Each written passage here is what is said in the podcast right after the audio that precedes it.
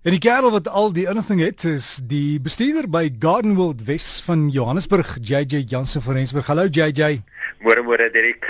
Iemand het nou nou 'n boodskap gestuur en gesê moet jy asseblief vra, hulle kry hierdie geel kolle op hulle grasperk. Ek ek kon nou nie aflei of hulle diere het nie en sê hulle kan nou nie eintlik mure of iets sien nie. Wat kan die probleem wees? Ja, weet jy daai geelkolle kom gewoonlik of is gewoonlik gepaard saam met al die reën wat ons kry. Um want dit is gewoonlik fungusse, maar ja, nou nou, nou dat ons nog nie reën het nie, nou is dit baie moeilik om te sê hoekom daai kolle daar so is. Dit kan definitief diere wees soos jy sê. Ek stem saam, kolle is gewoonlik nie termiet of iets van daai aard nie. Baie mense sal sê ek het kolle, ek het termiete, maar kyk bietjie hoe hulle versprei. As jy sien dat die kolle nie versprei nie, dan weet jy dit is 'n dier of iets van daai aard wat hom van buite af gebrand het.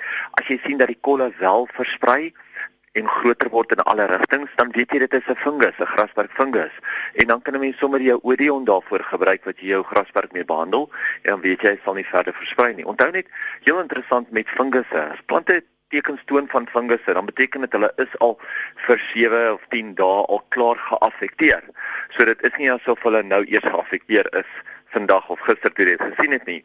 So spuit maar jou hele grasperk en dan weet jy dat jy voorkomend behandel.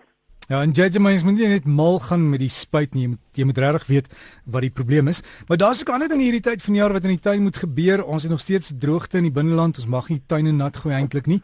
Uh tuin moet oorleef En dan is daar ook sekere taakies wat gedoen moet word, né? Dat hy nee definitief. Kyk, Oktober is natuurlik ons rose maand. So dit is nou vandag die begin van ons rose maand. En ja, ons rose behoort nou eintlik pragtig in blom te wees. Nou met dit dat ons baie minder water kan gee aan ons tuine, is ons rose nie so mooi soos wat hulle moet wees nie. Maar as jy wel die rose lekker mooi wil kry, maak seker dat jy hulle nou in die in die laatmiddag of vroeg vroegoggende nat lê en nie nat spuit nie.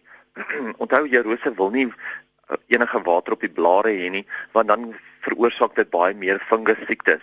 So lei hulle eerder na sit die tuinslang langs en hom neer of sit die gebruik die emmer en gooi hom stadig om die stam nat in plekke wat ons nie 'n tuinslang mag gebruik nie, maar doen dit ten minste sê elke tweede derde dag sodat jou rose wel genoeg water kry dat jy dan nog steeds die pragt van die rose kan geniet.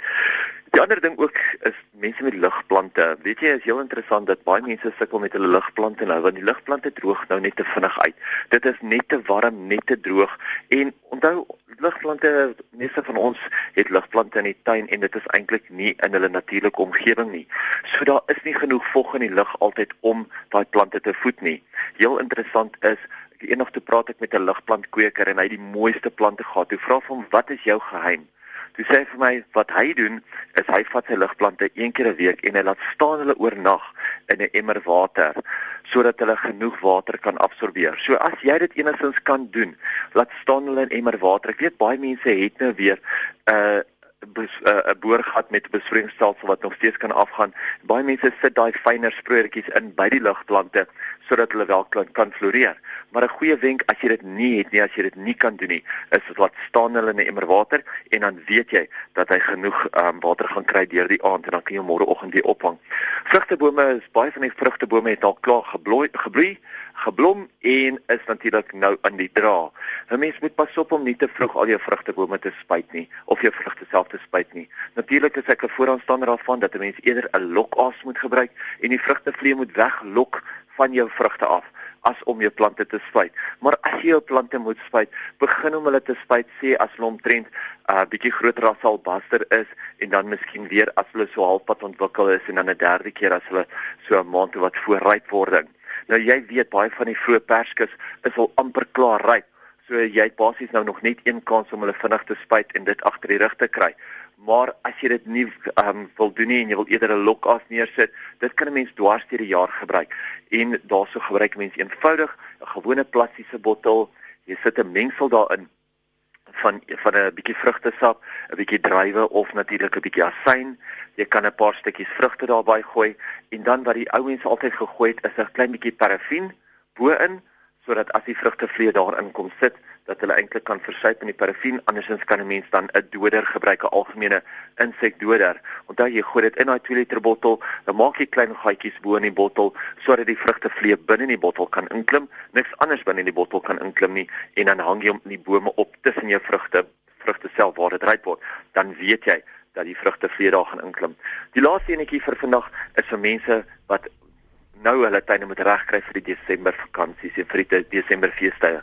Baie mense gaan nie weg oor Kersfees nie en hulle bly by die huis en dan probeer hulle begin van Desember gou hulle tuin regkry vir middel en einde Desember. Maar weet jy dis eintlik te laat. Probeer eerder nou al beplan nou al aan jou tuin. Kyk wat wat gaan jy plant in terme van groente, in terme van kleur, wat gaan jy doen veral in jou onthaalareas sodat jou tuin ook spesiaal kan lyk en dat jy ook uit die tuin uit kan leef vir die Kersseisoen.